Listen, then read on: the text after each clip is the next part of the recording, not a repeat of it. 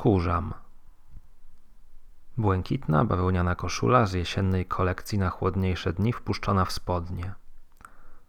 Pod nią miała podkoszulka na ramionczka. Nie, nie jestem Jakub Shapiro.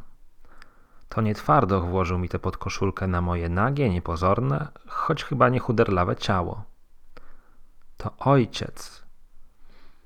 To ojciec zawsze powtarzał, że podkoszulka na ramionczka największym sprzymierzeńcem mężczyzny w jesienne i zimowe dni. Noszę więc, choć sam już nie jestem pewien, czy to właściwy wzór męskości. W internetach piszą, że jak widać spod koszuli, to obciach. Nie widać. Nie dzisiaj. Otulająca bawełna nie prześwituje w swym błękitnym splocie. Mogę odetchnąć. Odkurzam. Musztardowy sweterek powiesiłem na krześle. Niedbale. Znowu trzeba będzie przeprasować przed kolejnym wyjściem z domu. Odkurzam. Kłamstwo. Bądź delikatniej, nieprawda. Piszę. To prawda. Dlaczego piszę? Sam nie wiem. Bo lubię? Tak, to możliwe. Dlaczego więc jednak nie pisałem przez ostatnich sześć lat? Sprzeciw, wysoki sądzie. Pisałem. Prawo dla kreatywnych. Zresztą nadal piszę i pisać będę. Bo myślę i czuję? Tak, to możliwe.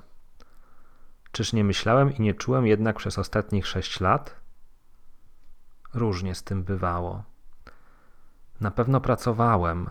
Skoro więc pracowałem, musiałem i myśleć. Nie można pracować nie myśląc. Czucie to inna sprawa. Zgoła odmienna. Zatraciłem się. Może nawet nie tylko się, ale i siebie. Na pewno w pracy właśnie. Własna firma, poprzeczka raczej wyżej niż niżej, cele, ambicje, klienci, zlecenia, ciśnienie. Odkurzam. Podłogę.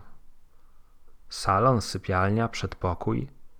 Pamiętaj, Wojtek, również pod łóżkiem. Tam zbiera się kurz. Kurzem pokryta była również moja przestrzeń słowa. Odkurzam więc Wyciągam szuflady, by dotrzeć tam, gdzie dawno mnie nie było. Jakież to przyjemne znów poczuć się twórcą. Czegoś innego niż kolejnego artykułu o tym, jak przygotować regulamin sklepu internetowego i nie mieć kłopotów. Wróciłem do siebie. Daję znak.